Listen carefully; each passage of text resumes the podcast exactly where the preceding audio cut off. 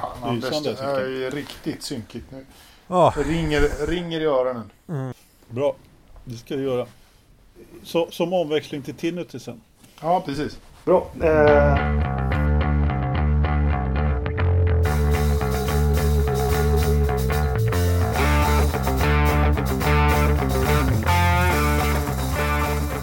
Då hälsar Jakob Engelmark från Västerås välkommen till Forsa-podden avsnitt 96. Till min hjälp idag har jag från Långsjön, Stockholm. Ridderstolpe, hur är läget? Jo då, det är bara fint. Tack. Ja, frisk Trev, och kry. trevligt att... Ja. Ja. Trevligt att höra av dig. Frisk och kry. Bra. Här, Ja. här, mår, här mår vi gott. Ja. Hur mår vi i Tullinge då, Anders Lövström? Du ändrar ordningen från förra inspelningen. Mm. Men, men jag mår fortfarande bra, tack. Mm. Nu kommer det ta för alla lyssnare fem minuter för Anders att komma in i gängorna.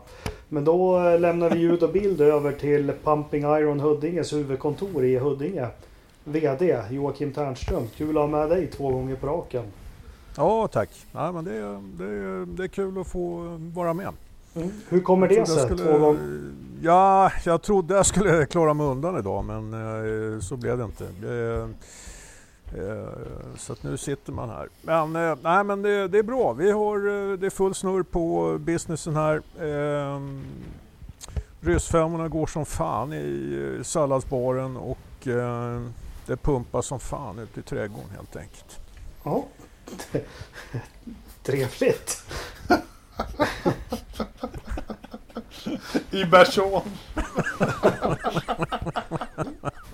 Ja. Ja, ja, men du ser viril ut. Ja, Och vital. ja för fan. Jag, är, jag känner mig faktiskt eh, yngre än någonsin. ja, inte än någonsin, men kanske yngre än på... Inte vet jag.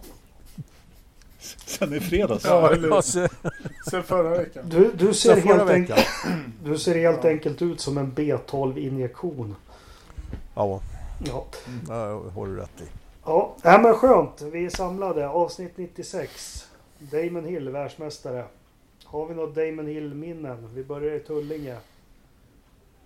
Ja, vad roligt att du sa det. Jag har ett fantastiskt Damon Hill-minne. Mm. Nu börjar vi äntligen komma in lite på eh, bebodda trakter, jag på säga. Vad heter det? Eh, eh, modern tid, åtminstone så som jag räknar det, den moderna Formel 1 Och eh, 96 var första gången som jag upplevde Formel 1 live faktiskt. Så att mitt, eh, for, eller mitt eh, Hill-minne kommer därifrån. Jag och en kompis tog bilen och eh, eh, åkte ner till Spa Francorchamps faktiskt.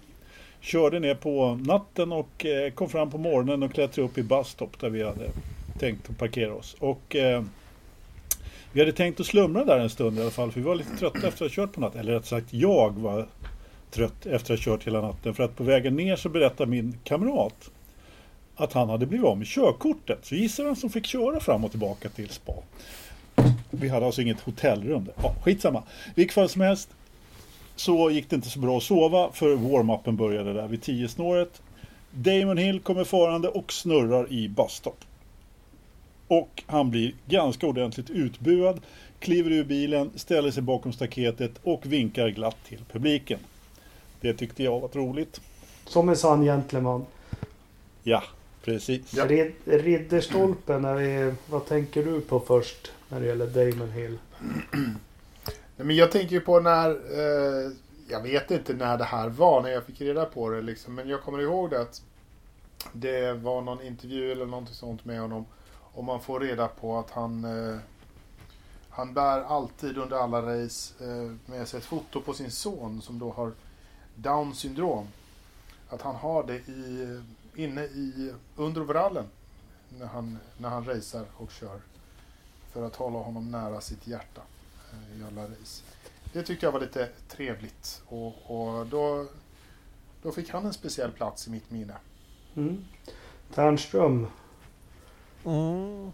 Ja, men det finns ju lite olika grejer. Vi, eh, som kanske lyssnarna har förstått där så har vi redan misslyckats med ett inspelningsförsök och då, då, då eh, berättade jag om ett minne eh, och det var ju Ja men då när- behöver du inte när- ta det igen då. Jo, men jag tar, jag tar det igen. Så, så ska jag komplettera med det andra som dök upp här, som också är jävligt starkt. Men det är ju naturligtvis när eh, Hill tog hem titeln i Japan 96.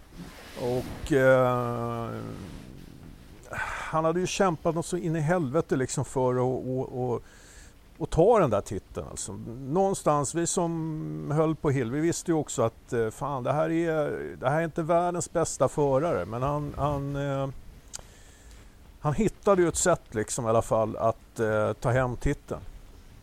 Så det var ett jävligt stort ögonblick. Och eh, sen kommer jag också att tänka på eh, 97. Eh, Ungerns GP. Mm. Eh, när han höll på att vinna i den där jävla sophögen han körde. För eh, Tom Walkinshaw. Yes. Ja. Det gör mig fortfarande lite Tankar. deppig. Men det var väl Det var väl egentligen hans största eller lopp för alla. För det var ju första gången han fick bevisa sig på något vis. Nej, v- v- Ungern menar du eller? Ja. Ja, Ja, fan jag vet det- inte. Alltså, om, man, om man jämför i alla fall, om, om man säger så här. Om man jämför mot eh, säsongen innan, så, då satt han ju i fältets bästa bil. Han, det var inte så att han var eh, ohotad direkt. Han hade ju en hyfsat snabb stallkamrat i Villeneuve också. Men eh, han, han satt ju trots allt i, i stort sett fältets bästa bil. Det gjorde han ju inte direkt 97, kan man säga så. Om man säger så. Nej. På det sättet så gör man ju. Sen var det väl. Eh, det, det var ju en uppvisning naturligtvis med den där bilen på, på, i Ungern. Det var det ju helt klart. Mm. Det är ju lätt, jag som är ett Damon Hill-fan, det är lätt och, och, och jag förstår det. Jag håller med som du sa Ternström. Vi som visste inte att du hejar på honom eller eh, då när det begav sig. Men vi som gjorde det, vi visste ju han var ju inte kanske världens bästa. Han var ju ingen Senna eller Schumacher som började visa sig då eller Mansell eller vad man nu ska säga. Men det fanns ju något där brittiska underdog i. Och, eh, det, det som är lite fascinerande som är lätt att glömma när man gör sig rolig av. Han, började köra bil seriöst racing när han var 24 år. Eh, debuterar i Formel 1 när han är 32. Och hi- hinner vinna 22 stycken VM-lopp. En VM-titel. Ja, 20-talet pole position. Och, ja. Eh, så när man gör sig rolig över, så, över honom så liksom statistiken och det, det han gick upp emot också som du sa. Chuck, han var ju oprövad 96 men han var ju ändå hyfsat snabb. Han gav ju honom ganska mycket pisk. Han slog Coulthard året innan som också var rookie. Eh, han, 94 när han eh, när Mansell hoppade in så kvalade han ju ut Mansell i, i, i de loppen förutom med Adelaide eh, som var. Så han, han var ju inte, han var ju inte kattskit bakom ratten heller. Alltså, Nej, det var han inte. Verkligen inte. Eh, Han hade, han hade ju ingen spikrak karriär till Formel 1. Att han överhuvudtaget tog sig dit var ju, eh, tycker jag, en jävla prestation. För att eh, det, det är lätt att tro att bara för att hans farsa var Graham Hill att han hade allting gratis. Men det, det hade han inte. Han eh, eh, tog sig väldigt mycket på egen hand till Formel 1. Men han gjorde väl inte några större resultat i de, i de lägre klasserna direkt heller? Det, det, var, det, var, det var inte så att eh, det, man, man kunde utläsa att vi hade en eh, blivande F1-världsmästare där liksom, Nej, i, i, i Damon Hill. Men sen kommer han in då, får chansen i Williams. Eh, och eh, det, jag, jag, jag tror att han hade ju liksom lite grann av en stämpel med sig som gjorde att han egentligen hade teamet emot sig.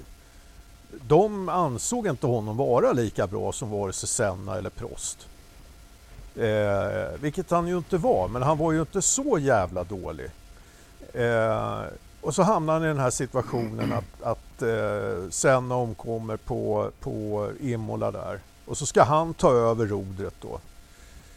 Eh, verkligen ingen avundsvärd situation och så tappar han titeln eh, alldeles på slutet då eh, mot, mot eh, Schumacher.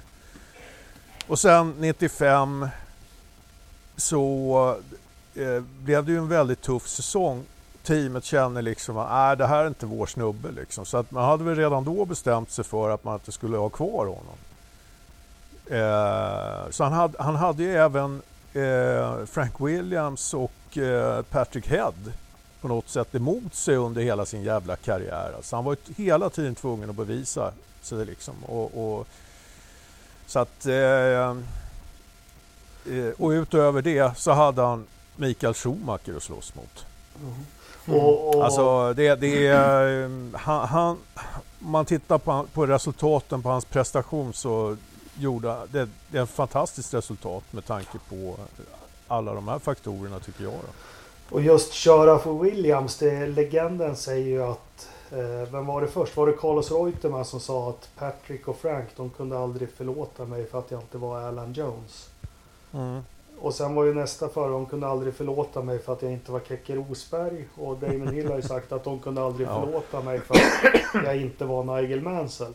Eh, det pratade vi om förra avsnittet, inga lätta killar att köra för. Men eh, som sagt, man, man kan prata om uppkört och bästa bilen, men han, eh, han vann 22 lopp. Han vann mer Ja, än någon annan absolut. stallkamrat i Williams de här åren. Och något som han inte har fått cred som det heter för, det är ju han hade ju en körstil. Det här var ju precis när ombord började komma och man Mm. tittar mycket Schumacher veva med ratten. Men han var ju precision skulle jag vilja säga. Alltså det, det där är, det är ju en av de grejerna jag gillade med Hill. Han hade så jävla snygg körstil. Mm. Det såg så jävla snyggt ut jämt.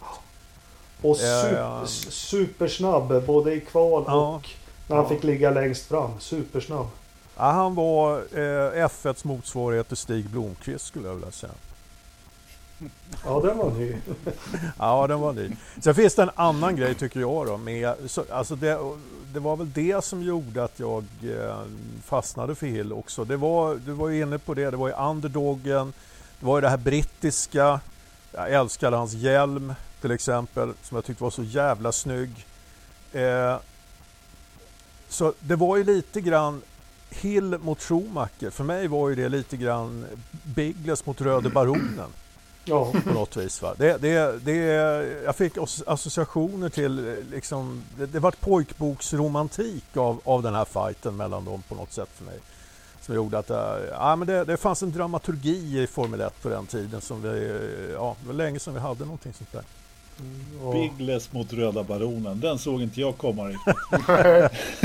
och det finns ju Nej, men, Det finns ju en dramaturgi kring hela och tragedi kring hela Damon Hills liv och så. Första 15 åren väldigt privilegierad i uppväxten med, med sin pappa Graham. Eh, som, han, var väl, han var väl Formel 1s Beatles Graham Hill.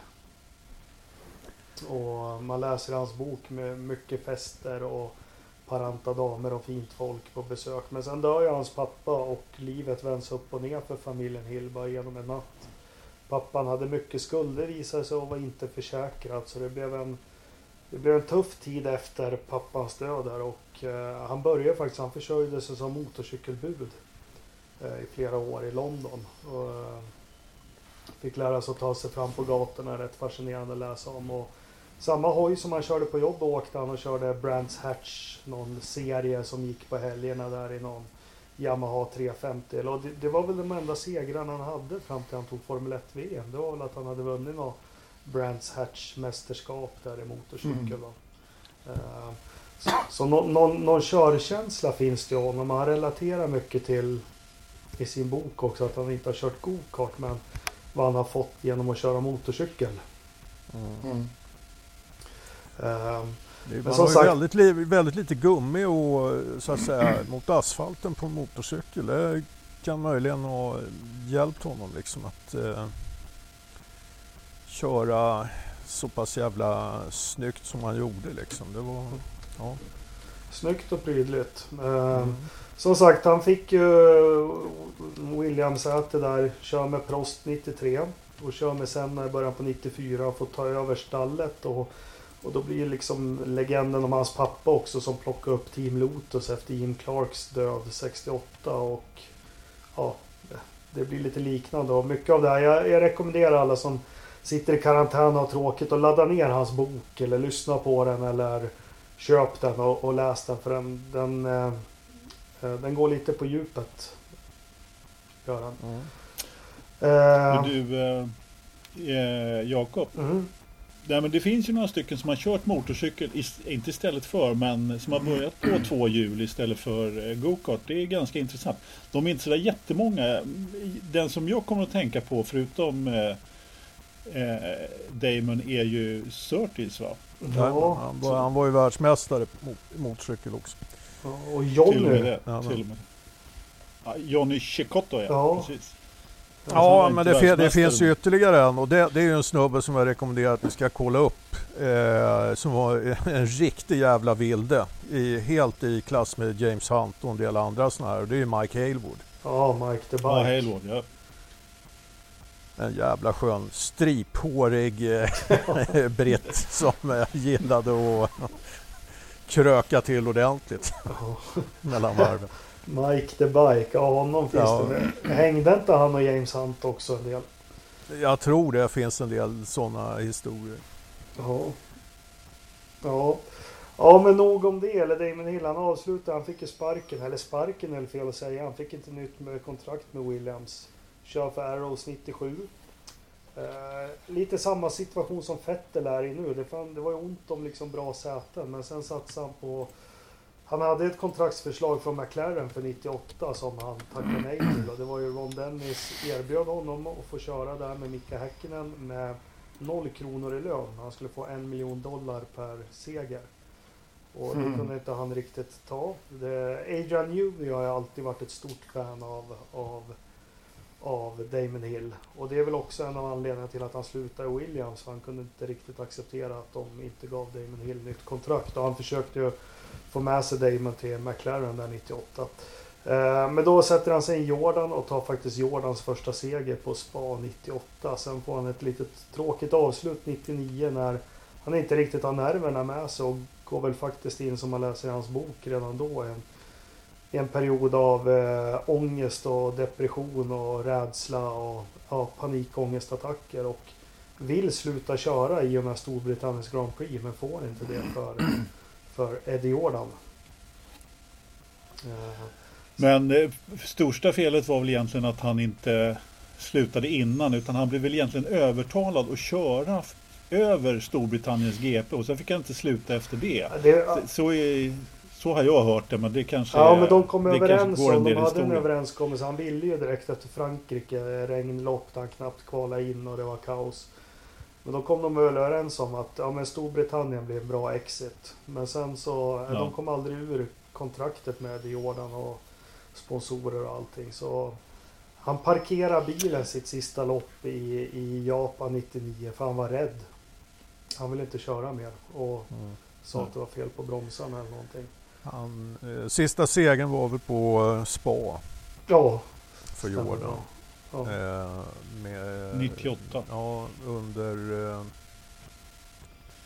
under lite, mm, ja, jag ska inte säga märkliga omständigheter. Det var ju stallorder och annat. Men det var, det var Hill, Hill ledde ju och eh, skrek över radion till eh, Eddie Jordan att eh, får de fan eh, se till att eh, Ralf Schumacher backar ner liksom för att Det annars han så, säger skulle de båda ha hamnat i, i, eh, vid sidan av banan liksom. Vad han säger iskallt, Eddie I got something to put on you. Och så säger han att ja men vi kan racea. Det är inga problem. Men då kanske inte blir någonting. Eller så. Nej. Eh, Fast det viktiga där var ju att Alesi också fick stallorder och håll, hålla sig på tredjeplatsen. Så han fick ju faktiskt inte, inte ens göra ett försök på fränsen Ja, där. men det är en kul prispall att se för Ralf Schumacher är inte nöjd. Han hade ju, bortsett från Damon Hill, han hade ju en bil som var helt inställd för regn. Så han tog in massor med tid på Hill. Hill hade ju kvalat bra. Eh, tredje plats. Sen vart det ju en eh, jättekrasch om ni kommer ihåg i starten 98. Mm. Eh, skitsamma, så Ralf Schumacher skulle vi säkert kunna kört om honom om han ville göra det. Men ja, han är inte Fan, jag, jag, jag tillhör ju en av de där få som faktiskt gillar Ralf Schumacher också.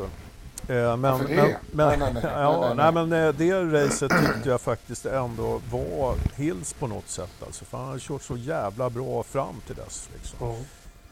Jo, han kommer ju ikapp. Ralf och Alesi kommer ju ikapp i och med Mm. en Safety Car tror jag. Precis. Jävla Så bra att, lopp. eh, Det ska jag kolla på ikväll. Ja, ja. ja jag, kände, jag kände att det var välförtjänt. Ja. Och eh, Ralf framförallt- eh, fick ju Ja, sina framförallt det var ju sen. mycket dramaturgi i det där loppet. Det var ju inte bara kraschen där utan eh, när eh, Schumacher kör in i Coulthard så får köra trehjuling och jag tror tror han Ja. kör hela varvet tillbaka in i Ja. depån och sen ska han ner i, i eh, garaget och klappa på Coulthard Ja, ja. dessutom. där mitt i alltihopa. Han var helt jävla vansinnig. ja, han var helt övertygad om att Coulthard hade lagt sig i vägen med flit liksom. Och lyfta Ja, och- Eh, ja, I princip tvärnitat liksom. ja, tjena. Ja. He Ja. break tested me. Ja, precis.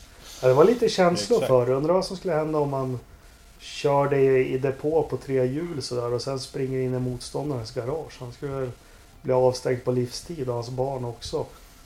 Ja, fråga Ocon Ja, och Verstappen. precis. Ja, just det. Just Lill- Lilla putten där. Mm. Eh, Brasilien. Ja, just det. Just Ja. det. Det, var, ja, det, det ju inte ens i närheten, men, men Nej, eh, nej. det är trots allt ett eh, exempel från nutid, helt klart. Mm. Eh, annars så får vi ju gå till Nascar, där kan de ju brösta upp sig lite ibland. Det är Ja, så... men, eh, Det, ja, d- ja, Nascar. När de liksom går fram till bilen och slår in genom vindrutan. Med en hand på en hjälm. Det måste göra skitont. På handen ja. Ja. ja, Det är rätt dumt. Ja. det är väldigt dumt. Den där hjälmen är byggd för att ta emot smällar. Det är, ska ju vara en... Eh, ska ju vara en vänster rätt i levern bara. Ja. Ja. Det säcker vem som helst. Ja. Nej, men han lägger av 99 Damon Hill. Sen mår han dåligt några år och nu är han ju en uppskattad reporter på Sky. Du som tittar mycket på det. Eh, Christian, vad gör han sig bra i rutan? Ja, men absolut. Han är en, det, är, det är en lugn och stabil eh, expertkommentator som verkligen tillför. Han Storbritanniens Eje Älg? Det kanske man kan säga. Jag vet inte om det... Han säger inte från klarhet till klarhet lika mycket som Eje. Men, eh, men han har ju, han har liksom, han tillför faktiskt ganska mycket tycker jag. Det är, det är lugnt och tryggt och man, så här, han vet ju vad han pratar om. Och det är Mm. lite roligare att lyssna på honom än Anthony Davidson som är lite, eller... Han är lite mer steril. Paul, Paul, Paul Di Resta är också lite tråkig att lyssna på. Mm. Ja, men Ja. det är lite mera kommentator över det hela. Han har nog hittat rätt där tror jag. Liksom. Det är nog fan det han skulle göra. Han har fått en, en expertkarriär eh, efter en, en tävlingskarriär. Och han gör nog expertkarriären längre och bättre än sin tävlingskarriär. Men ve- vem, vem av alla Formel 1-förare som vi kan tänka på skulle göra sig sämst som expert tror ni? Jacques Villeneuve. Ja. Fast han säger ju ändå en del kul saker. Sen, sen, sen kanske Det inte det är så underhållande i längden. en jävla omöjligt Men- att vara, vara kollega till, till Jacques Villeneuve i en tv-studio. Liksom. Ja, men jag, jag, Förmodligen. det givna namnet är ju Kimmy. Ja, eller hur? Vad fan ska han säga? Ska vara tyst. Fast Ett helt jävla vet du lopp. vad? Ja, Jag tror inte han är så dålig som expertkommentator. Ta honom i, på sitt modersmål och han skulle nog prata ett helt jävla lopp. Ja, Ska. Men det, det går ju inte att lyssna på den dessutom en- rösten. Det är ju som att... Fick han dessutom en stänkare så skulle han prata hur länge som helst. Men eh, ja, jag har en annan kandidat faktiskt eh, som inte är så jäkla långt därifrån och det är Bottas. Jag tror han skulle vara ännu sämre faktiskt. Ja. Det är skärmtrådet. eller hur? Ja, han, är, han sprudlar. Jo, men verkligen. Nej. Eller hur? Nej, nu ska vi inte vara taskiga mot Bottas. Eh, Nej. ja, men någon annan som skulle vara intressant så där som inte skulle ha något att tillföra. Ja, nej, det är fin. Det... Hör du, eh, vad tyckte du om eh, Lillöv som expertkommentator? Jag skulle precis säga det. Jag kommer ihåg några lopp när han, när han fick kommentera i svensk TV. Eh, han var ju jättedålig. Nu ska vi se om han kan plocka Ja, några bilar. men- han, han fick ju göra det med Artur Ringat. Va? Ja, eller var det Svanlund till och med? Och- Ja, Svanlund kan nog ha varit med också. Åh, Och jag, det här jag måste ju vara eh, 88, 89, 90 någon gång där han fick... Det, ja, det var ju på, det på stämmer. kval, i- alltså, Sv- Svanlund var var med. förkval. Svanlund var med när, när Lill-Övis var, var bisittare. Och eh, jag bara kände liksom hur jävla irriterad Lill-Övs blev Mm. på Svan. För så fort Svanlund såg rök någonstans. Då, då ja, det måste vara turbon. Ja. Det måste vara turbon. Det var turbon. Och, och grejen... jo, det var och alltid det var många grejen turboras. ja, ja, och han körde ju med det. Jag kommer ihåg, det var Imola och det var någon Dalara som fick bryta. Problemet var ju bara att det fanns inga turbomotorer kvar. Nej. Exakt. Och jag, jag bara hörde liksom, man, man kände på något, det var så påtagligt att Lill-Lövis var liksom, nej det här, det här är inte bra. Jag, jag, dra inte ner mitt namn i den här smutsen liksom. Jag tänker ofta på om han skulle fått levt. Undrar om Ronny Pettersson skulle gjort sig som kommentator. Nej, Nej. jag tror att han skulle vara Nej, rätt sopig på det faktiskt. Han var ganska Säkert. trulig eh, figur så här. han var inte sådär jättepratsam.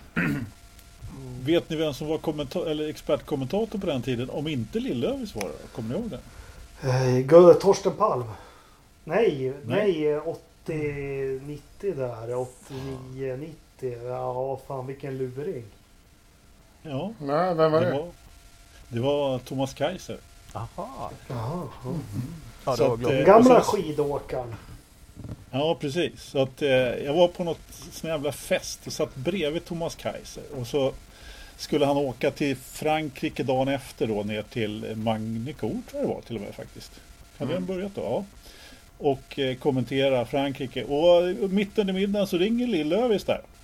Åh tjena! Gick inte vidare i förkvalet. Så sa han inte för han pratar från Växjö. Men Jag tänkte, vad fan. Eller hur? Han, eh, han meddelade i alla fall att, och så frågade han Kaiser då om han skulle ta över kommenteringen så Kaiser slapp åka ner. Så gjorde han det. Jaha. Ja. Och då frågade Kaiser om jag ville ha biljetterna. Gissa vad Löfström skulle göra? Jo, han skulle, hade naturligtvis bokat upp sig på någonting annat. Ja. Självklart, Kär och galen. Såklart. Så var det på glada 80-talet. Ja, då gick en bröllopsresa före en Formel 1-resa. Så är det. Ja, tur att tiderna förändras. Eh, ja. Hörrni, det har inte dykt upp så mycket den här eh, veckan sedan vi hörde sist. Eh, det som har dykt upp för mig det var att jag såg Indy 500 fast det var inte 500. Det var The Race som hade ett lopp. Ternström skrev i någon chatt eller någonting. Man börjar faktiskt bli lite mätt på det här med iRacing. Och, och, men det var ett jäkla bra lopp. Var det någon mer än jag som såg det? Var det det Alonso vann? Ja, en dubbel och riktigt bra eh, race mellan honom och Button i första loppet. Nej, jag, efter, jag såg bara någon, någon artikel att Alonso vann dubbelt. Jag såg inget, eh, faktiskt inte något utav de två racen. Var det efter det som eh, Button deklarerade att han aldrig någonsin skulle köra riktiga Indy 500? Jo, han vart ju sugen på att han tycker det var... Men det här var vi inne på för någon podd sen och då var inte du med kanske, men både jag och Ridderstolpe att det som den här eh, iRacing har gett oss det är att jäklar vad jag ser fram emot ovalracing. Mm. Här har man fått liksom lära sig det i lugn och ro på något vis. Mm. Mm. Eh, riktigt häftigt. Ja, men alltså iRacing på ovaler var ju faktiskt väldigt mycket bättre än, än vad, vad, vad man var rädd för att det skulle vara. Liksom, jag var rädd för att det skulle vara jävligt tråkigt och sånt. Men det, eh, det visade sig funka jäkligt bra med, med iRacing på, på ovaler, eh, tycker jag. Mm. Så det var, det var, ett, bra, det var ett bra insteg. eh, Att komma. Nu gillade jag ju valer redan sedan tidigare. Men, eh, men eh, det, det är bra liksom, när man får lite, lite känsla för strategier och, och sånt här. Då, kan man lära sig det i lite, i lite lugnare tempo. Precis, och nu, nu är det ju faktiskt bara två veckor kvar tills det brakar loss i Texas. Mm, det gör ju det. Ja. På riktigt. I centrifugen. Hur sugna är vi? Jag funderar på Ganska. hur... Det, det, det är ett endagsevent, eller hur? Det är, allt körs samma dag med någon timmes mellanrum. Ja. Eh, vilken tid börjar de egentligen? Alltså så här, svensk tid. Eh, och sånt där med, med trä, någon, någon form av träning och sen lite kval och så är det race. Det är väl de tre stegen som de kör även den här helgen. Ja, det ska Anders ha koll på. Det är hans roll.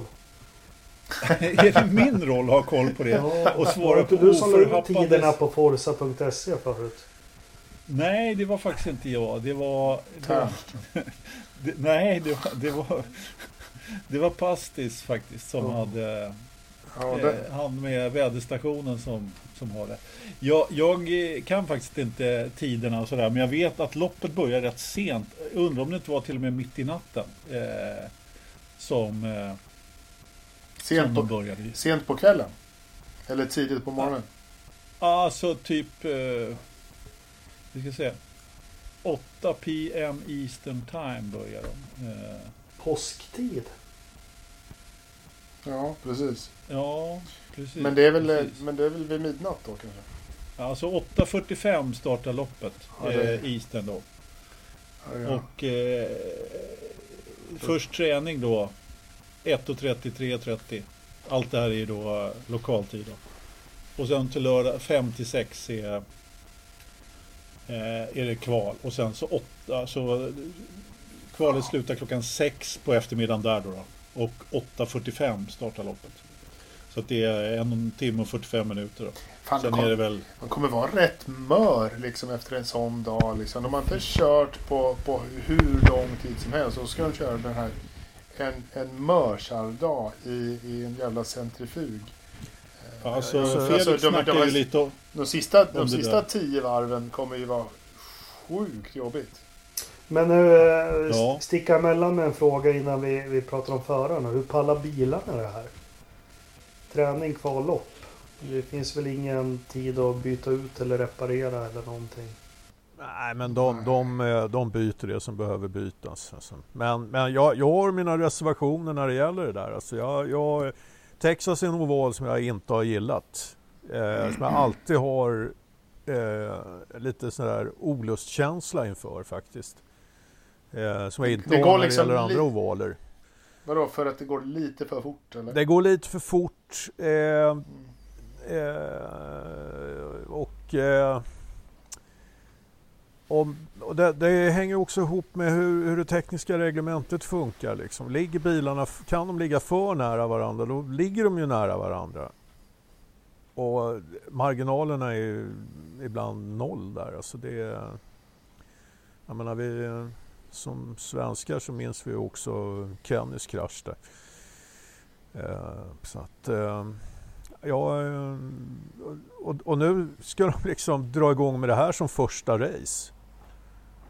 Jag vet inte, hur fan kom de ja, fram eh. till det liksom? Det känns lite, lite konstigt att börja just med det här. Ja, Jag håller med, liksom, bara för det, de börjar ju pang på. Det är Mm. verkligen så här, det är ingen, det är ingen mjukstart vi snackar utan det här är eh, God damn it och så kör vi som fan. Och så gör vi det på en dag. Alltså kroppen måste ju vara så galet trött. ja det kommer inte finnas någon tid för, för reflektion eller någonting efter eh, varje pass. Liksom, utan det, det kommer gå i ett här på något sätt för dem. Alltså Ja. det, eh, mentalt så tror jag det kan bli jävligt tufft. Och eh, det där är en bana där man liksom behöver ha eh, man, man behöver nog känna att man verkligen är med. Liksom. Det, det är en bana, du måste, du måste kunna köra den med självförtroende. Liksom. Och gör man inte det och, och det är förare som känner sig osäkra och det sprider sig liksom bland deltagarna så man känner li- liksom, de, det, det, kommer vara en del nya förare också. Så, som är, Mm. De har liksom inte hunnit lära känna varandra. Hur fan beter de sig på banan? Nej, jag tycker det här är... Det, jag, nej, jag är, ser faktiskt inte fram emot det. Jag kommer att kolla på det. Liksom. Jag ser fram emot att racingen börjar dra igång igen. Men, men nej, den här tävlingen här spelar man med lite väl höga insatser. Alltså. Men var det Texas man ställde in då för de blev yra i huvudet? Det var, det Nej, de, eh, de, eh, de fick blackouts. Ja. var det på Det- Texas? Ja, Ja, Ja, precis. Då, då gick det ju så, så vansinnigt jävla fort så att de, de fick ju blackout mitt i kurvan. Liksom. Kenny tyckte de kunde köra lite långsammare om de nu inte kunde. Jaha, ja jo. Om de nu svartnar för Ja, ögonen på dem. ja. I, om jag räknar rätt nu här lite i hastigheten så är 8.45 Eastern är 2.45 eh, natten då mellan lördag och söndag. Åh, vilken jobbig tid. Fan, tre på morgonen. Ja. Ja, det. Men eh, jag, är, jag är helt inne på, på din linje där Ternström. Att jag tycker också att eh, men samtidigt så förstår jag varför de valde. Eller det, det är inte självklart kanske, men det finns ju en del aspekter att man väljer. Texas är en av de delstaterna där det har öppnats upp ganska fort och man vill ha igång arrangemang och man har fått. Eh, och jag tror att det var så att man skulle köra Texas den här helgen. Eh, Jaha, det, det är det- standarddatum alltså? Ja, så att eh, det, det, det låg liksom inte så långt borta och börja där och då fick det väl helt enkelt i den här röran som har blivit efter eh, pandemin så fick det helt enkelt bli så att man man tog helt enkelt det som gick att köra först bara. Mm. Och så startade man där. Ja, det känns ju som de börjar kriget med en atombomb. Och, ja, det Ja. vore väl för jävligt om det händer något första loppet sådär. Det är lite risky. Va, ja, vi får snacka upp det nästa vecka lite mer loppet. Men det I, är, i, I synnerhet nu som, som de har kört eh, simracing på ovaler. ja, Ja, precis. Och jag eh, tänker sådana som petat av varandra med, med vilje också. Jo men Ja, Ferrucci de han får väl- kanske när det brakar loss inte märker skillnad att det är en riktig bil han sitter i. Och, Mm. ja. Ja, de får väl parkera för Rucci och Pagino så ska det nog gå bra ska jag säga. Ja. Har, vi, har svenskarna uttalat sig något inför det här? Ja, de hade varit ute och cyklat tillsammans i- igår på söndagen när det egentligen skulle ha varit Indy 500 så hade Marcus och Felix cyklat ner till banan och klämt några varv där på cyklar istället och sa att det var perfekt väder för ett Indy 500. Ja, Lagom vind och svalt i luften och vad det var för något. Precis. ja, ja. ja. Nej, men det är bra att de håller igång. Nej men det, det ska bli spännande. Eh, jäkligt spännande ska det bli. Och se vad det blir av det.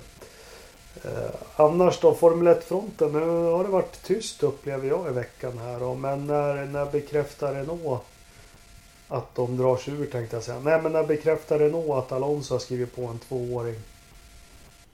Det kommer dröja. Ja, Nu, eh, nu finns det ju ingenting som säger att de måste välja förare på, på bra länge. Det, nu kan de ju bara softa och, och, och ta det lugnt ett tag. Tycker jag. Kan tänka mig också att Ja. eh, i och med att läget är så osäkert som det är för Renault så eh, är det kanske inte riktigt förhandlingsläge nu utan det, det, är nog kanske bättre för alla eh, parter att eh, ta det lugnt ett tag här och invänta och se liksom. Men enligt dig Ternström så... överhuvudtaget? Enligt dig Ternström så bekräftar väl de i veckan att de drar sig ur Formel 1? Ja, ja Bull kom ju där med någon dementi och det vet vi hur det är med dementier. Det är ju som regel en bekräftelse. Det brukar ju vara så. Ja, men, eh, man kan väl säga så här att eh, det bör, snaran börjar dras åt lite grann kring Renault. Och jag vet inte eh, hur, ingen rök utan eld och andra klyschor men eh, det börjar vara väldigt mycket, rapporter om eh, Renaults vara och icke vara. Och Ja, det är väl klart att eh, det, det, Men alltså nej, Det- det, det- här, det här är ju... Nej, det här är ju... eh, Nu börjar man få... Så här, dels är det lite nyhetstorka och så är det någon som börjar någonting och så fortsätter Ja, journalist nummer två absolut. och tre. Och, så, och så rullar man igång det. Liksom, lite så här. Jag, ja, läst, jag men det läste kan en- definitivt jag läste en helt annan artikel har- att där, liksom, där de säger att eh, Renaults Formel 1-satsning är, är, är fortfarande liksom, det är inte en, en det är inte en av de större budgetposterna de har, posterna de har liksom under, under, ett, under ett utgiftsår utan det är, det, är liksom, det är fortfarande som så att det är en relativt sett låg kostnad för dem. Eh, och så är det dessutom att de får tillbaka liksom eh, marketingmässigt så får de tillbaka tillräckligt mycket. Det, de använde, det var liksom samma, samma argumentation som Mercedes hade när det var rök där i, i Ja, julas. men liksom. eh, ja, så här, alltså Ja. det, det, jag, jag, jag är helt inne på din linje också. Det kan mycket väl vara så att allt det här kommer egentligen det finns ingen riktig källa. Man har dementerat det från eh, officiellt håll. Men fortfarande så springer ryktena. Mm. Vilket ju då inte naturligtvis blir mindre av att det går jävligt dåligt för Renault. Att de ska slänga ut pengar på ett Formel 1-stall mm. och staten är med och betalar. Och ja, men alla de här grejerna. Som, det har ju, det bara, har ju bara samlats i en stor mm. skithög kan man ju ja, lugnt det, säga. Det som, fanns, ju tecken, eh, fanns ju tecken redan innan, före pandemin. Va? Eh, när Goss ja. försvann. Eh, nya styrelseordföranden där, jag kommer inte ihåg eh, en kvinna där, som, jag kommer inte ihåg vad hon heter, men det, det, hon skulle, det, man skulle ju ta det här under utvärdering. Eh, det hette det ju då. Och eh, ja. nu, nu, har de, nu har vi dessutom pandemin. Det går, det går ju jävligt illa för eh, Renault mm. just nu. Jag kollade lite grann på eh, deras marknadsföringsbudget, koncernen. Ja. Om man tittar då på Eh, vad de satsar då på de fem stora länderna så är det ungefär 400 miljoner euro. Eh, på, på, de, fem, på, på de fem, fem, största marknaderna. Det är 4 miljarder. Ja, och eh, tittar man då på hur mycket Renault pumpade in i F1-teamet som de subventionerade det med så, så eh, var ju det 90 miljarder någonting i fjol. Eh, nu ska man ju 90 eh, miljarder. Nu börjar det bli SD. Nej, nej, nej. Eh, vänta.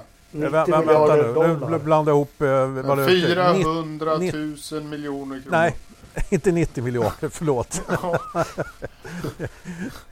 eh, 900 miljoner blir det ju för fan. 90 miljoner dollar var det. Ja, men det, det blir en, en det, det, är en miljard. En, en, miljard pumpar man in i Formel 1-satsning, absolut. Ja. Och, och de, de, fem största marknaderna tror man fyra miljarder på. Ja. Och, och då, är, då ska man då se att Formel 1 är då en, en global företeelse och inte en, en liksom Tyskland, Frankrike, USA. Ja, men så, så är det ju. Och, eh, men, men eh, det sätter lite perspektiv på, på summorna ja. i alla fall. Men, men i och med budgettaket här så mm. eh, borde det ju bli en betydligt mindre siffra för Renault att putta in om man vill hålla F1 igång. Liksom. Jo, det är klart. Man har ju väntat på budgettaket mm. också, men det, alltså, eh, det finns ju ett par utvägar för Renault naturligtvis. Så eh, det, det ena då som väldigt många, det som egentligen skithögen handlar om är ju att man bara stänger, låser dörren och kastar nyckeln och drar. Liksom. Och jag vet inte om jag tror att det är sådär jättetroligt faktiskt. Eh, det känns inte så i alla fall. Men Nej. jag tror att man letar köpare till stallet. Och att man på ett eller annat sätt försöker att få motorerna kvar. Mm. Men... Eh, att, att man liksom har, eh, letar någon köpstark som driver det vidare och att man då förskriver någon form av kontrakt med, med motorerna så att de lever kvar på ett eller annat sätt. Men, det, det, tror jag är men, en utväg som man skulle kunna göra. Men, men kämpa den här. Det här var jag inne på för ett och ett halvt år sedan i någon podd. Uh, nu behöver jag er hjälp lite seriöst. Från 1977 till 1985, hur många år gick det då Ternström? Så mellan 1977 och 85. Ternström kom bara ihåg Oj. två av de där åren. Men mm. annars för oss andra så var det väl åtta år då? Precis. Ja, exakt. Mm. eh, från 1989 Sex andra försvann i en dimma.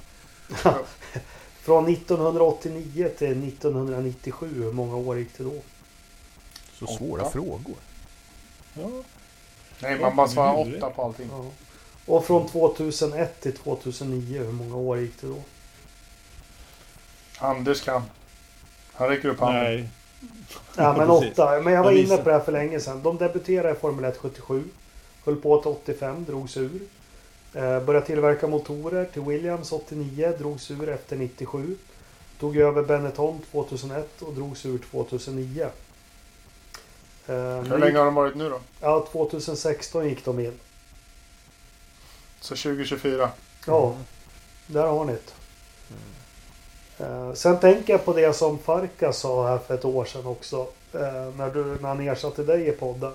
Han hade ju varit i Enstone och där och eh, nu vet inte jag hur det funkar med stor ekonomi och så men Renault har väl de största investeringarna de har, har gjort. Eller de har väl redan gjorts i stallet.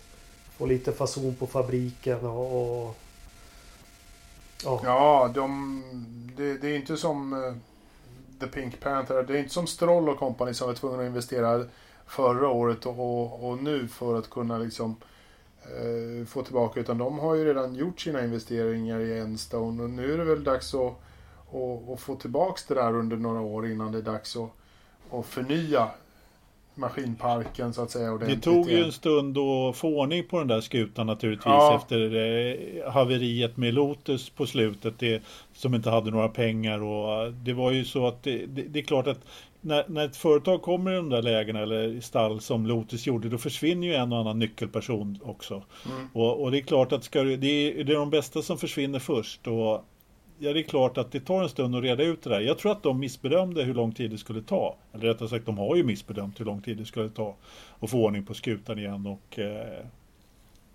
men eh, ja, vi får se vad som händer med det då. Det ska bli spännande. Så när, när... Och det vi pratade om förra avsnittet att han måste gå och tigga pengar. Senaste analyserna kring Alonso och Renault gör ju gällande att Renault behöver inte punga ut med någon lön för den Alonso tar med sig sponsorer som han gjorde till Ferrari. Som betalar Mm. hans lön. Jag vet inte om det är Santander eller vad man syftar på men... Ja, men han har ju sånt marknadsvärde att han definitivt skulle få med sig någon sponsor som, eh, som pyntar hans lön. Det, har väl, det, skulle, det är säkert inga problem. Det är nog inte där i problemet ligger. Jag tror inte Renault vill ha Alonso faktiskt. Nej. Nej, jag tror inte heller det är ekonomiskt. Eh, liksom. Jag tror, så här, precis. Det, han, Alonso är så pass känd så att för, för honom att, att ta med sig två eller tre stycken hyggligt stora sponsorer för att betala honom en, en duglig lön eh, under ett par år, det, det är nog inga problem. Jag vet, jag vet inte riktigt så här, Det är nog mera, varför, varför skulle man göra det? Jag vet inte riktigt varför. Han, han är en av de bästa på att köra bil helt enkelt. Ja, han var ju det i alla fall, men Ja. jag vet inte om han är det. Han var ju rätt bra Indy 500 på... två gånger. Ja, med åren McLaren var han ju ändå rätt bra på att eh, ta skrotet i... eh, i Ta poäng. Ja. Jo, precis. Ja. Ja, absolut. Ja, Men det är, ju inte, det är ju inte riktigt det... Det är inte det de vill. De vill inte ta... Och det är inte det han vill. Han är inte Exakt. sugen på att halva in på Nej. sjätte plats heller. Det, det, visst, visst fan gör han det. Men han klagar ju också så in i helvete. Ja, Så att, och, och köra Renault och... Vad fan ska han klaga på då? Det är, det är inte en motorleverantör som han liksom eh, kommer att kunna klaga på. Det är ingen Honda som sitter där bak liksom. nej. Så att jag vet inte vad, vad... Om han inte blir bättre än sexa så har han ju ingenting att... Nej, jävla skitbil. Ja men vad fan. Mm. Ja men vi, vi glömmer det då. Så när, när presenterar Renault Fettel då? Ja. Don't mention the war. Mm. Ja. ja. Det kan, de kanske skulle ta Fettel för att han ska placeras någonstans och så blir vi klara med det här. Vi säger det. De kör Fettel. Jag svarar, på fråga A svarar jag aldrig och på B aldrig. Nej. Nej, han kommer att köra för Mercedes eller lägga av. Det, Ja, hur, hur många, hur många podden. år har Fettel kvar? Känns Två. det som. Ja. Inte fan vill han sitta och köra i eh, en Renault. Nej, nej, nej, nej, nej, nej. Det, Ja, Då, då, lägger, då lägger han ju av för fan. Han kanske får en gul Megane som tjänstebil. Mm. Yay. Ja, Eller alpin Nej, innan de lägger ner. Ja. Nej, han, han har annat att göra. Ja, nej men det var, var det någon av er som var inne på det eller har jag drömt det? Men jag vet att Mark Webber har ju sagt i någon intervju för ganska länge Ska han göra comeback? Nej, men han blir inte förvånad om Vettel lägger av tidigt för han har gjort allt så tidigt i sitt Ja, liv. ja. Debuterar i Formel 1, skaffar barn, familj, vunnit. Fyrfaldig mästare innan han är 26 år eller vad det var. Eh, Mm. Så det skulle inte förvåna honom om han lägger av tidigt. Nej, men Jag vet fan, inte. varför skulle Jag har inte riktigt fått vibbarna att han ska lägga av men, men i det här läget så är jag nog beredd att hålla med. Så att blir det ingen Mercedes så då, då finns det inte så mycket annat att göra. Jag tror att om han kör så kör han någonting i USA. Då skulle han... Eh, men om det är Indycar, det vet jag inte. Det kan lika gärna vara Nascar. Men Nascar tror jag är lite för mycket redneck för, för Vettel. Eh, jag tror inte riktigt han, han skulle känna sig hemma i en Nascar-omgivning. Eh, Jag, vet, Jag, jag, han, tror, han, jag tror inte Nascar skulle tycka att han vore så jävla intressant heller om jag ska vara ärlig. Kanske inte. Nej. Nej, Lite för, lite för lite med vänsternäven inför genom sidorutan sådär. Det är inte, det är inte hans grej. Nej. Blue flag, blue flag, blue Blue, flag. ja, exakt. Det, Nej, jag vet inte. Jag, jag har svårt att se honom i Indycar också. Det känner inte jag. jag, jag, jag tror att han kan köra Indy ett år eller så. Jag tycker han känns trött. Han, man, man, han utstrålar ju inte liksom att han eh, vill någonting. Men skulle- Ja, skulle du- Skulle du varit pigg efter 4-5 år i Ferrari? Skulle man vara liksom känna sig mentalt fulladdad efter de där jävla åren i Ferrari? Ja, Ja, vad fan. Jag är fulladdad nu. jo. Det är för att du har varit i salladsbaren. Ja. Men, men det, efter förra, förra säsongen så förstår jag att han är, han är trött. Eh, Fettel liksom. Bara För det var inte det var inte ett bra år för någon. I, i, förutom Leclerc kanske. Eh, som det var ett hyggligt år för. Men eh, jag ger honom ett år i Indycar. I ett, i ett bra stall tillsammans med någon bra förare. Men hur, hur funkar de här? Alltså ingen av oss är ju ens i närheten. Men det, det är fascinerande. Jag vet inte om det är någon mer än jag som har sett den här dokumentären om Chicago Bulls och Michael Jordan. På Netflix. Absolut. Eh, och det är ju speciella människor som blir bäst. Och det kan man väl säga att eh, de flesta i Formel 1 är ju den personligheten. Liksom. Eh, det svåra för Vettel är ju han har ju vunnit. Han- han behöver ju inte bevisa någonting egentligen. Eh, och det är lika med Alonso. Men det är någon, det är något annat som har drivit dem dit de är och som jag tror är jäkligt svårt att bli av med. Mm. Jag vet. Ja, fast jag vet inte. Det... Han kanske tar en paus. Eller ja, han har ju tagit en paus nu. Han har ju fått en paus nu. Frågan är liksom hur... Vad, vad har han gjort för att eh, ladda batterierna, för att komma tillbaka, för att liksom hitta någon form av kärlek till, till sporten igen. Eh, liksom, jag tror inte han kommer att eh, göra ett dålig säsong i Ferrari bara för att det råkar vara hans sista säsong. Jag tror att han kommer göra det eh, helt okej. liksom. eh, han kommer nog kanske att ge efter lite enklare till att Leclerc får en vinst för att han kommer ta, ta en for the team. Men, eh, men, men sen tror jag liksom han, han kommer att köra för sin, för sin framtid, för, för sitt kommande projekt, vad det nu är. Men, men den enda som jag kan komma på historiskt också, förutom Ronnie Pettersson och de här stora som är helt prestigelösa, det är ju Kimi Räikkönen. Han kör ju Ja. liksom för det är kul. Mm. Jo, men alltså Fettel har ju lite sådana vibbar också skulle jag säga. Han är ju helt klart en sån som skulle kunna köra det som han faller honom in lite grann. Däremot så tror jag inte han skulle köra, vara kvar i Formel 1 till varje pris. Men däremot kanske någon, köra någonting annat. Men eh, det, det ska bli spännande. Jag tror att eh, han eh, kan... Eh, jag tror att det kan vara det sista vi ser av honom i, i år. Om det inte funkar med Mercedes som alla pratar om. Jag, det vore ju intressant att höra. Det är ju bara rykten naturligtvis. Men det vore ju intressant om det verkligen är om det verkligen är på agendan överhuvudtaget. Det är ju svårt att veta naturligtvis. Jag tänker ju så här att eh, eh, gyllene tillfälle för bilbranschen här. Att eh, eh, ställa sig ännu mer, ställa Formel E ännu mer i rampljuset. Jaha. Ja, Men genom, kan- genom att ja, liksom stoppa in Vettel där i något. något Nej, nej, nej. Han kommer köra Extreme E. Den, den nya. Nej, det där vet jag inte ens vad det är. Det låter som en jävla dokusåpa eller skit. Ja, det, jo, men visst fan kommer han att köra det. Han och Michaela kommer ha Red Bull-bil där. Jo, för fan. säkert. Nej men eh, Ternström, Ja. jag, jag är helt inne på din linje. Jag är, skulle inte bli förvånad det minsta om han körde Formel E. Faktiskt. Det, det, jag har faktiskt inte tänkt tanken. Det var du som... Ja. Det var, det, var, men det var... Jag skulle inte bli det minsta förvånad faktiskt om han kör Audi eller Porsche Mm. eller någonting. Mm. Det, Absolut Det inte. finns en del eh, bra bilmärken där tror jag som representerar Precis. där som skulle kunna eh, där han skulle kunna passa in liksom, på ett jävla bra sätt. Och som har Ja. pengarna. Ja, Mercedes, Ja, Ja, absolut.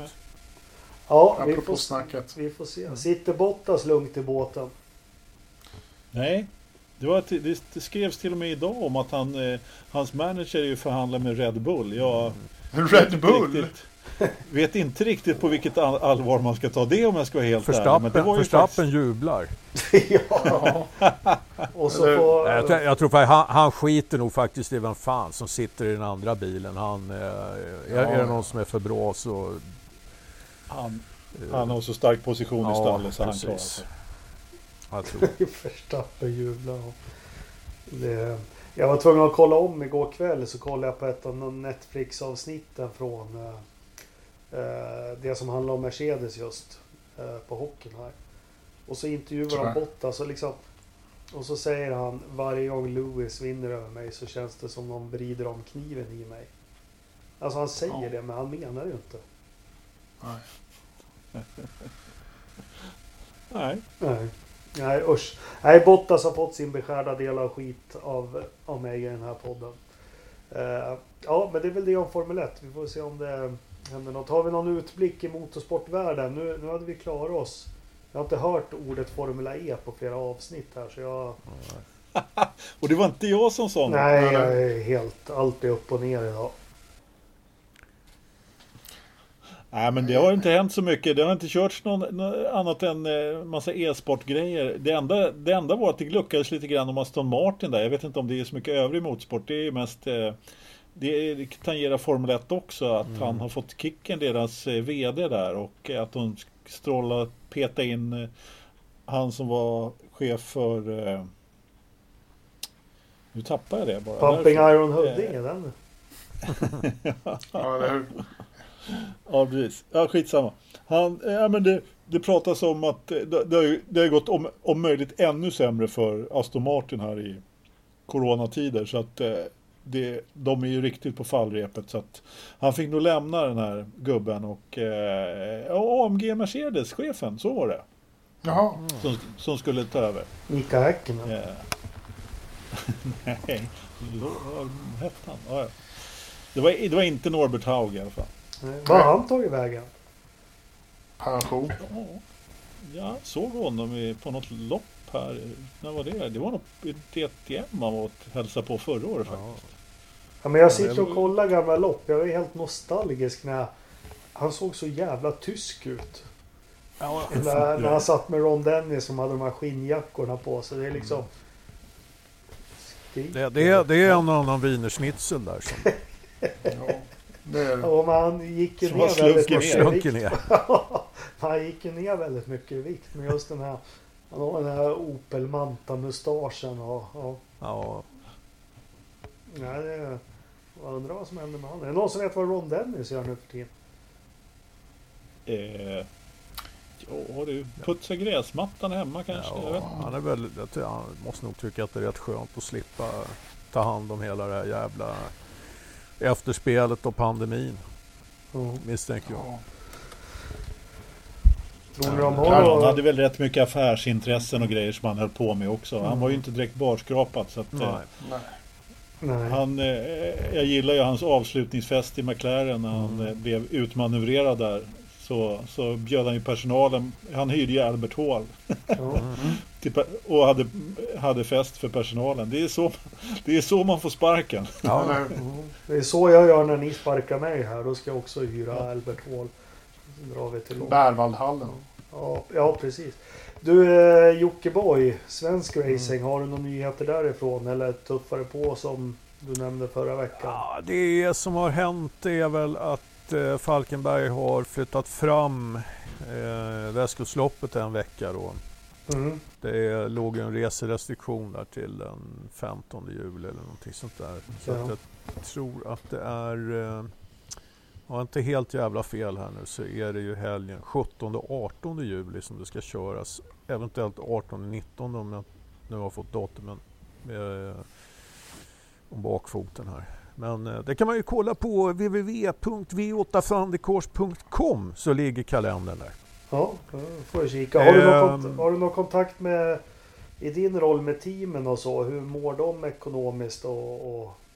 Mm, jo, men eh, jag har väl lite kontakt sådär. Ehm, och Eh, jag tror ändå att det känns som att rätt många är på för att och, eh, det finns ett jävla sug att dra igång. Vi gjorde en liten inventering och la upp en deltagarlista på vår hemsida och eh, eh, jag kan bara konstatera, hade, det, hade inte pandemin kommit så hade vi haft ett sju jävla bra startfält i år. Liksom. Nu är det väl så att nu kommer kanske en och annan ha lite tufft att få ihop det här och lösa det här till Västkustloppet. Vi har en del finländare som skulle vara med som vi naturligtvis inte vet om de kan och får åka över ens en gång. Och, eh, vi har också en norsk deltagare och så finns det väl ett par danskar där som skulle ha varit med också. Så att, eh, eh, vi får ju hoppas på att man löser alla de här bitarna så, att det, så, det går att, så det går för dem att ta sig till Falkenberg när det väl beger sig. Så att, eh,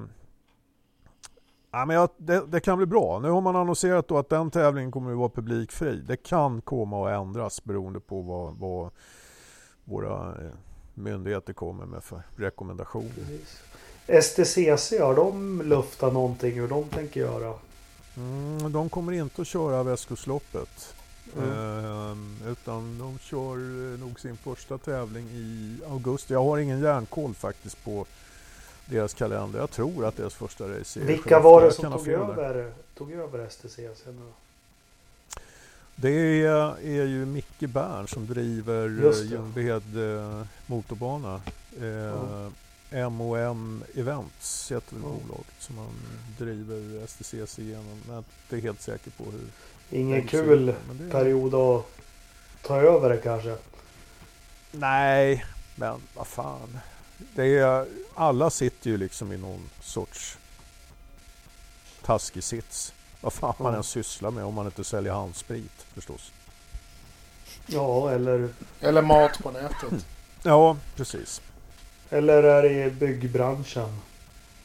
Det, det man kan säga är folk inom motorsporten det är, det är som kackerlackor. Man, man, eh, det är jävligt svårt att, att, att, att ta ihjäl fanskapen helt enkelt. Mm. Så Ja, att, eh, ni- är några sega jävlar. Ja men faktiskt. Det är, det är människor som är vana att, att lösa problem på olika sätt Ja. och, och få ihop det på ett eller annat jävla sätt. Så Men det är väl bara att kolla vilka fan. Förutom att de är, var toppklass och, och, och rita bilar och så. Men Eddie Jordan, Colin Chapman och så. Och, Ja, ja, fan. Undrar hur de kunde gå igenom årsredovisningar varje år. ja, det gjorde de väl inte riktigt. Frank Williams ska man ju inte tala om. Han var ju bankrutt varje helg i början. Det, Mm, Ja. ja.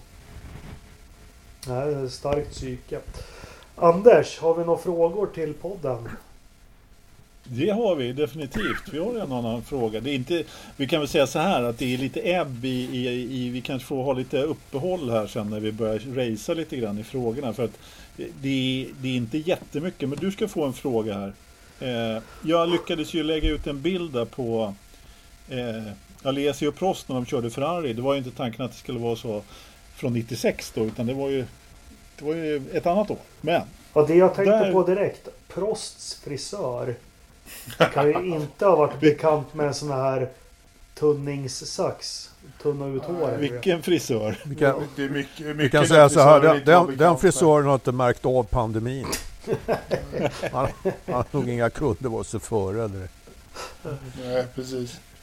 Nej, men eh, du kan väl eh, redogöra lite för, eh, det var ju eh, en fråga här om nummer på bilarna. Varför blev det 27 och 28 som Ferrari använde längre? När och varför försvann de?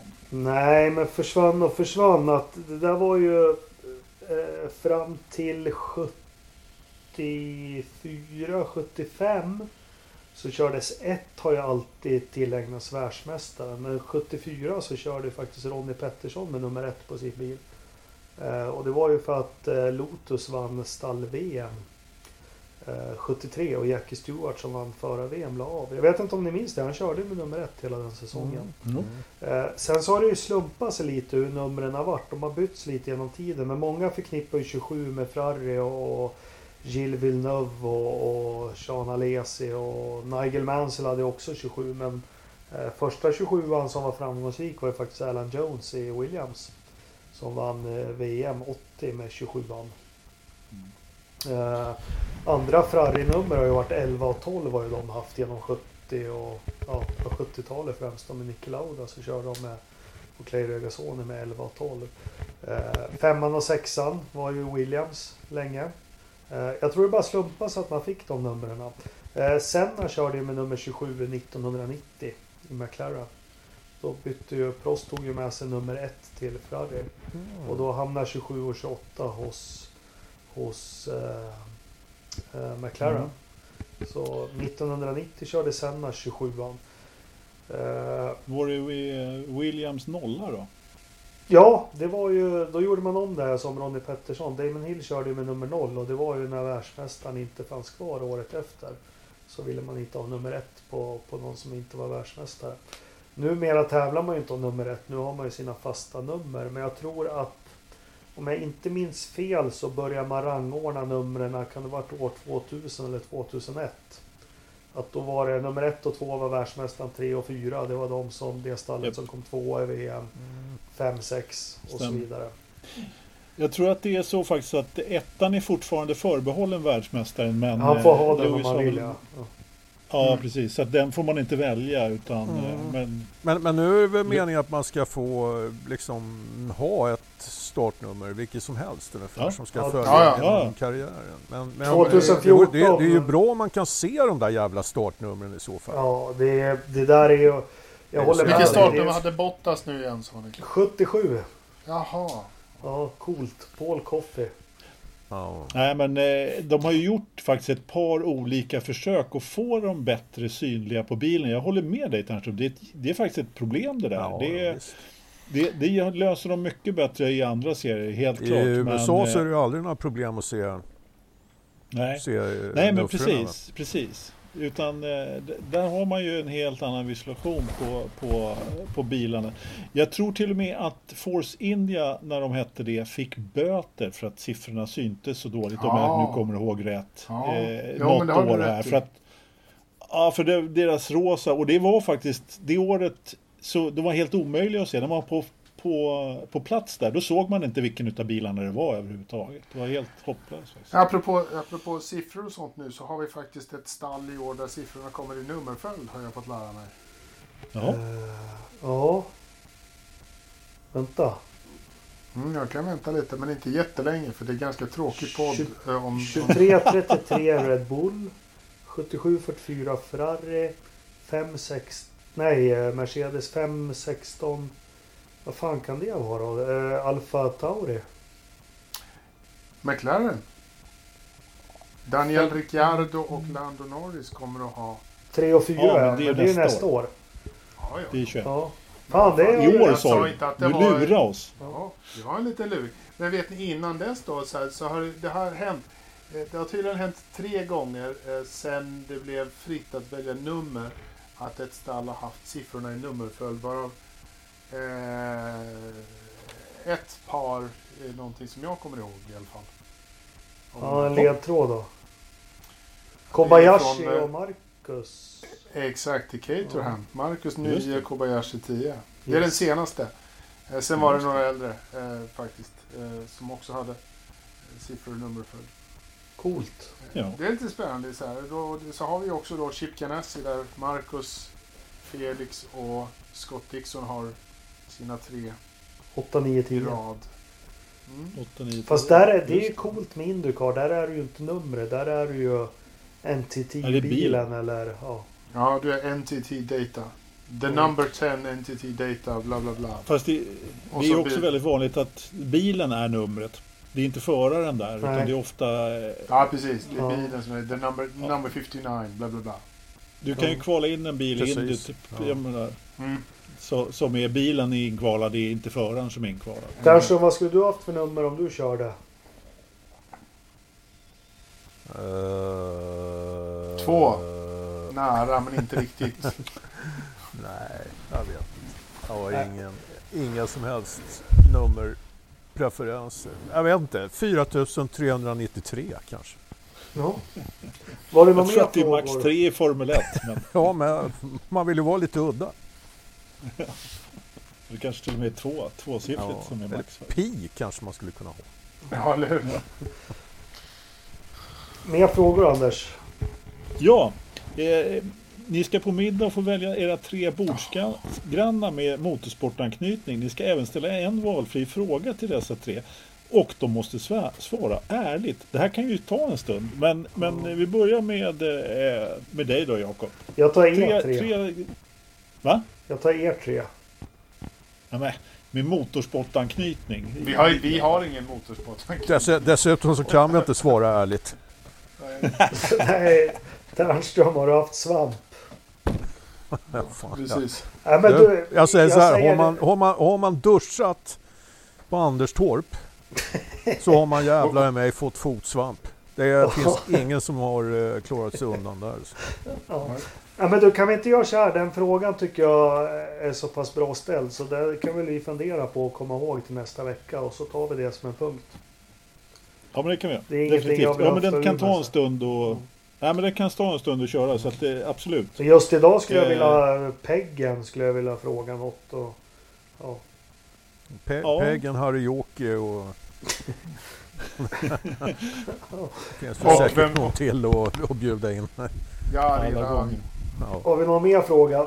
Eller fler? Ja, alltså Olle, han, jag vet inte om det är en fråga, men han har eh, postat någon bild med, med eh, när det är någon som frågar aliens om, om de har Do you have an F1 Championship?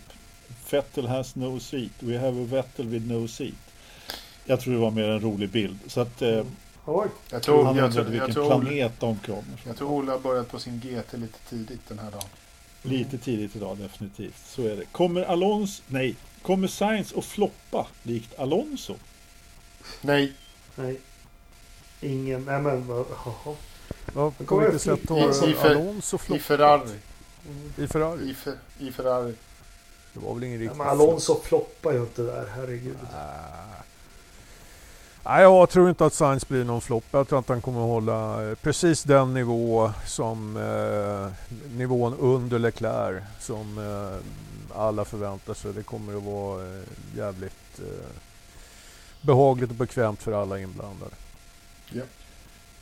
Då sticker ut hakan och säger att han kommer att eh, inte floppa men vara betydligt jobbigare mot Leclerc än vad alla tror. Ja. Ja. Eh, vem vinner VM när Hamilton inte gör det? Vi kan väl börja med, vi går laget runt då. Eh, Ridderstolpe, Charles Leclerc. Ternström. Ja, um, ja fan vinner vi ändå? Fan, är det någon som har räknat på det där? Om man skulle ha räknat bort Hamilton, hur skulle, skulle Bottas ha tagit hem VM någon gång? Nej. Nej. ja, Nej, nej. Nej. Så då... Ja, men det, man kan göra det, menar du räkna då att då, då tar vi bort Hamilton och så ger vi den som kom tvåa poängen? Vi tar inte Ja, ja precis, ja, precis. Om man bara skulle göra så. det, det skulle vara intressant att se hur ställningen skulle Ja, vara ja. de senaste åren då. Men jag, jag Då skulle han ha säger knipit något. Verstappen. Jag har svårt att se hur något kan stoppa honom från att ta VM.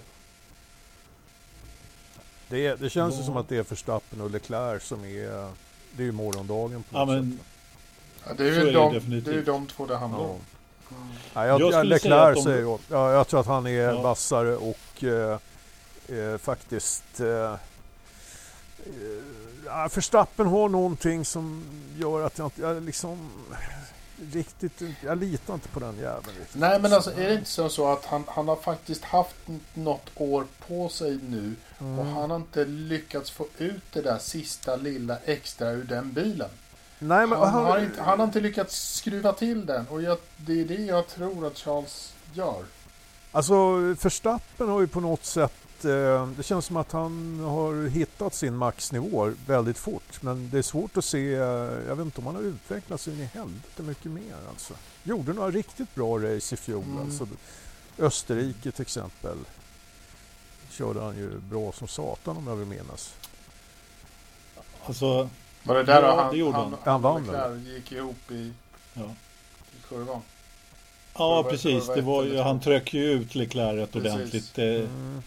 Det var Men- väl eh, på håret om man skulle bli eh, bestraffad för något där. Men han vann väl det- racet? Visst fan var det så? Eller minns jag? Ja, precis. Ja. Nej, nej, det gjorde han. Men jag, jag, jag håller med lite som ni säger om Verstappen. Men det som är med honom, som han utstrålar. Jag har så jäkla svårt att se honom ge sig. Nej, det, det tror jag inte. Men, Mm. eh, men jag, tror, jag tror inte han... Jag vet inte. Jag var övertygad om att han, så här, för två år sedan så var ju killen... Han skulle ta fem VM. Mm. Jag är inte så säker på det just nu. Jag, jag vet inte om han tar ett VM just nu. Nej, fan, han är ju Det- 21 det är väl- år så det... Ja, men det känns väl lite grann som att... Eh, det är inte Horner som har snackat om det där. Alltså, men det, det, det handlar ju liksom lite grann om att han måste kunna sätta ihop en hel säsong också. Och Ja. Kunna tänka lite strategiskt och långsiktigt och alltså... Men det såg vi men vi såg, vi såg en jävligt mycket mognare Max Verstappen förra året. Än vad vi har sett Mm. någonsin tidigare. Liksom.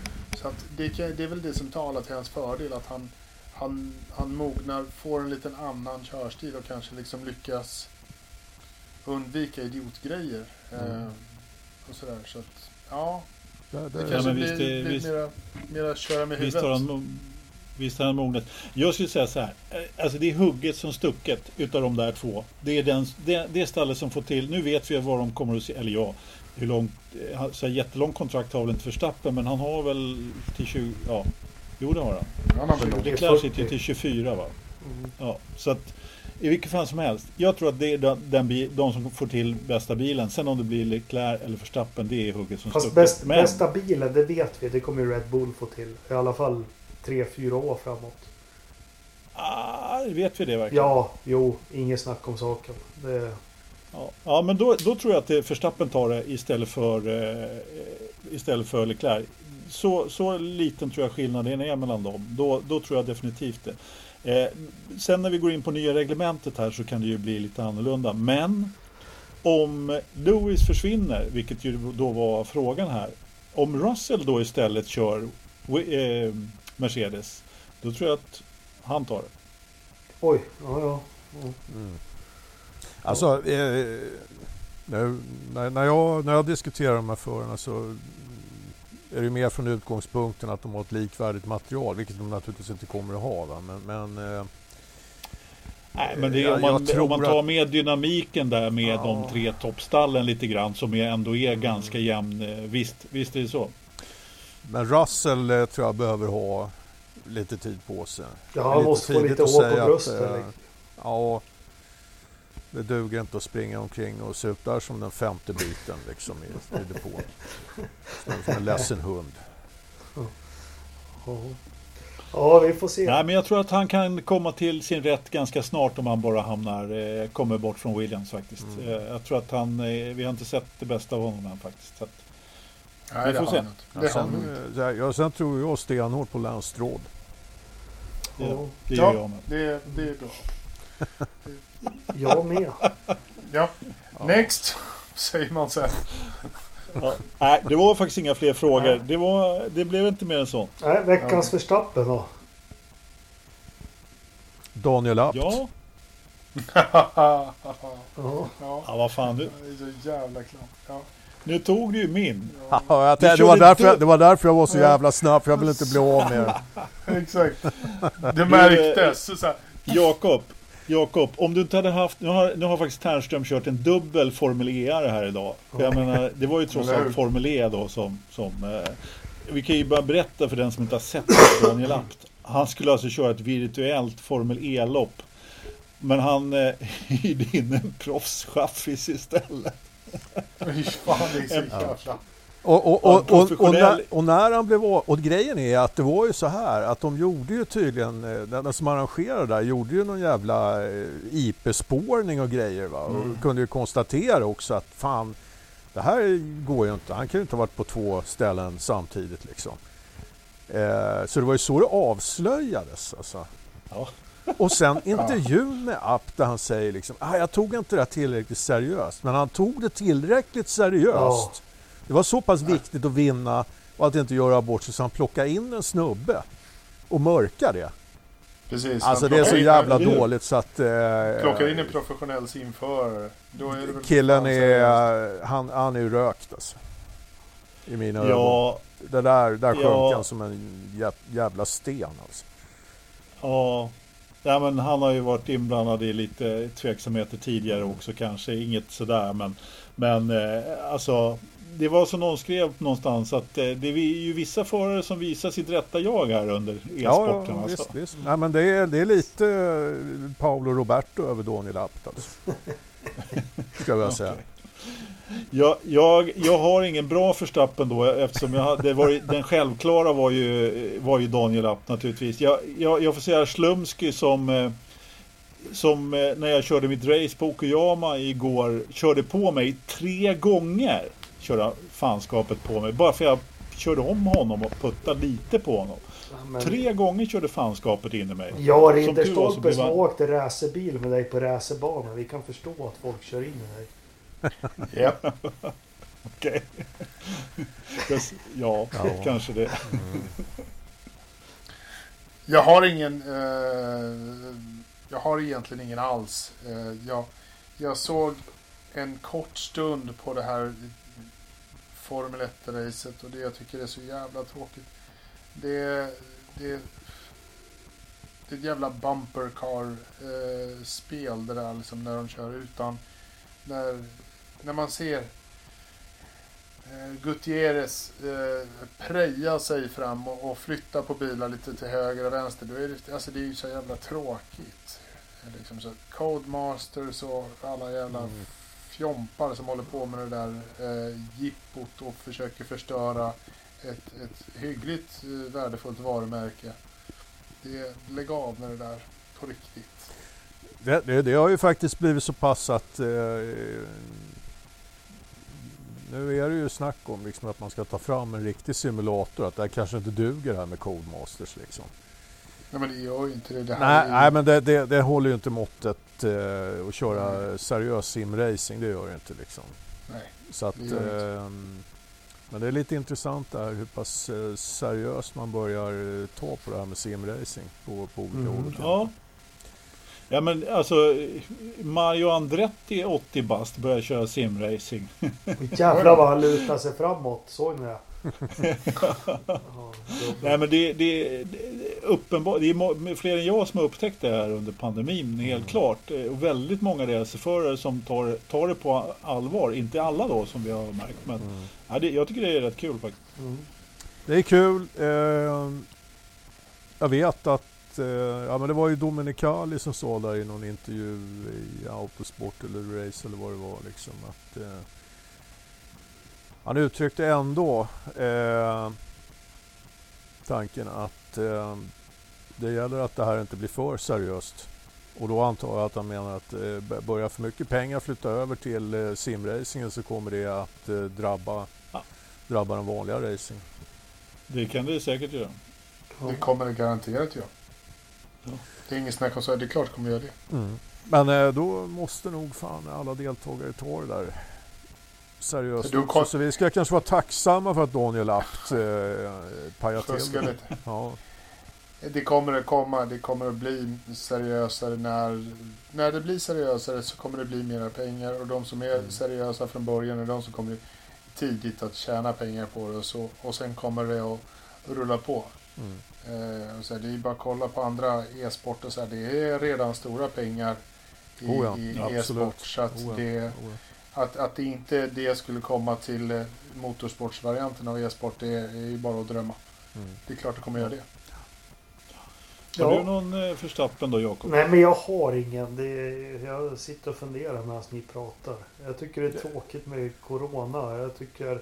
Ja, men min förstappen, det får bli... Jag får lyfta blicken lite. Alla jävlar som inte kan ta rekommendationer och sånt på allvar. Från myndigheter. Är det är min förstappen.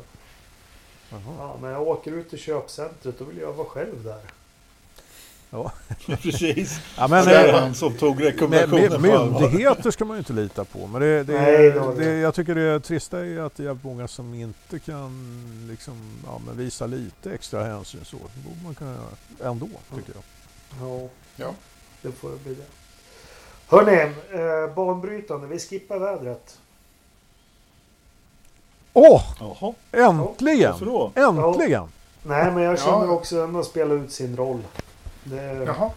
Fan, Vi skulle inte pratat om det här förut. För, för ly, ly, lyssnare då som, som eh, inte ser, ser, eh, ser våra kamerabilder här. Alltså, så jag har fan aldrig sett vare sig Riddarstolpe eller, eh, eller Lövström ser så jävla chockade ut. Alltså. Eller- förresten, jag läste... Det kan bero på att Jakob har stängt av sin kamera. Han har stängt av- han- han- Nej, men jag han, på att tog det så inte- han tog det så inte nu oss här. Jaha. jag tar upp det. Fan. Ja, nu Jag läste blir det väder. Jag läste en intressant artikel apropå Ronny Pettersson och vi hade Anton Berg med oss och, och eh, hur han dog. Eh, Den här ska jag dela. Det, det har ju ryktats länge om att det var en svensk läkare på plats. Fast han var italienare och det stämmer. Han har pratat ut nu. Eh, Ja. Han, eh, ja, det det är helt nya uppgifter för mig som tror att jag kan allt om, om Ronny Pettersson och operationer och vad Svenby sa och allting.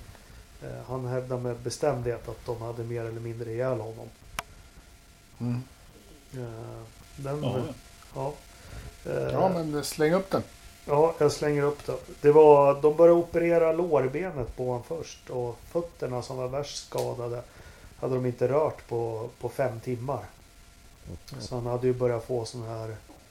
Eh, ja, det, det skulle bli amputation på fötterna för att vara så skadat. Skit i samma. Det är, nu har han lagt ut bilder på på själva vädersajten. Det, är, det här är nytt. Eh, spännande. Oj, Nymodigheter, fy fan. Volvon är inte inbackad, den är inkörd på garageuppfarten. Nu händer det grejer. Eh, Det är molnigt och det är 8,8 grader ute. Eh, 63 procents fuktighet ute.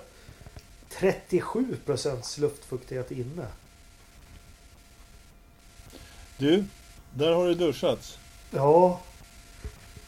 Eh, ja. Eller lite. Alternativt basta, ångbastu kanske. Han kanske käkar ångbastu. Ja. Eh, tempen i datorförrådet då? Han bara suckar. 11,8. Ja. Uh, 18,3. 14,2. Nej, den har gått upp. Den var ju nere på 3 grader förra veckan. Nu är det 17,9. Då vann jag. Ja, ja. Ja. ja, Ja. det var närmast. Fast det är fortfarande bara du- jag som har gissat rätt Mm. på Ja, pricken en gång. Så På det är så. riktigt. Ja, jo. Men då, då får du bjuda oss på Polly nästa vecka. Gissat och gissat. Vad fan, det, det, det är inte bara så att det går att gå in en åt gången där på, på den där jävla Jo. väderstrecken. Jo, alltså det... Han, Det här är en Hans heders... hemsida är så sak. jävla enkel. så Den har bara, Ja. ett, den har bara till, tillgång till en besökare i taget. Löv, Lövström, han, han gjorde en Daniel App där. Ja. Precis. Faktum är att när Jakob började yra om att han inte skulle ta vädret, då drog jag snabbt upp sajten här. Men jag gick inte in och Nej. kollade för när han till slut började. Så att eh, det är lugnt. Fan, du är, ju, du är ju helt jävla väderberoende eller någonting. Jajamän, fullkomligt. Ja. Hur ser kommande vecka ut på gymmet? Eh, finns det något Ja. pass att boka in sig på? Mm, ja, det, det är väl lite fullbokat nu för att jag kommer nämligen att köra ett pass imorgon. Och sen ska jag köra ett på onsdag. Och sen så kör vi ett tungt pass på, på lördag tänkte jag. Och däremellan får det vara stängt. Okej. Ja. Så det är ett, ett pass om dagen som är numera är taget. av ägare. Ja, det är, alltså om folk inte håller sig framme och bokar in va, då, eh, då är ju risken att jag tar de passen som, som är lediga. Ja. Och så har det blivit. Ja. Eller så flyttar du på starttiden lite grann bara. Så att det, är, sen, sen, eh, sen skickar jag luftfakturor mellan mina egna bolag. Det är ju så jag får det här skiten att gå ihop. Alltså. ja, ja, ja. Det, Jag trodde det var salladsbaren. Ja, jo, men den också. Men det är, Den Ja. kanske är eget bolag. det, alltså, det är inte så många som kommer till salladsbaren som är här för att gymma om man säger som så. ett annat klientel där. Det är ett annat klientel som jag vill... eh, Ja, det finns... Vi har lite, låt, oss kalla det för kosttillskott. Men nu, den kulturella hörnan, är den populär mellan lyften? Nej, det är, det är inte många som nyttjar den faktiskt. Mm. Det är- Rätt tänkt Var det en nordisk satsat. familjebok? Va? Ja. Ja, eh, så var det med det. Eh, Tack ska ni ha och eh, på återhörande om en vecka och låt oss nu njuta av Askas senaste singel. Ja, Eh, den, den enda. Senaste singel. Och ni, ni har inte ens lyssnat på podden från förra veckan när jag, in, när jag verkligen la in Askas första cover. Ja, Två fast jag vill att de ska göra... Vad fan, vad, vi har väl aldrig spelat in en cover? Vad är det för Nej, jävla- men det ska Ni ni får gör väl nu. lyssna på podden. Ja. Har ni visst gjort det. Ja, ja. Nästa Eh. gång ni gör en cover, då vill jag att det är I need a hero med, vad heter hon? Ja, men vi gör inga covers. Nej men nu får ni börja göra det som ni... Vi gör bara eget material som är, är så jävla mycket bättre. Som, som, Mm. som band om 30 år kommer vi göra covers på. Ja, det låter bra. Sådär ja. Ja, Nej, nu slutar vi. ja, tack för idag. Ferrucci är en idiot. Ja, Hej det då! Hej då. hej.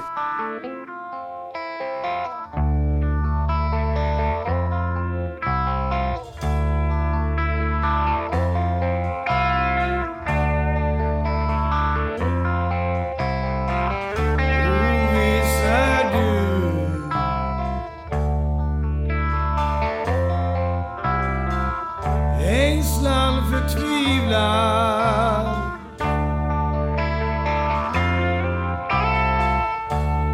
Dimmans ängder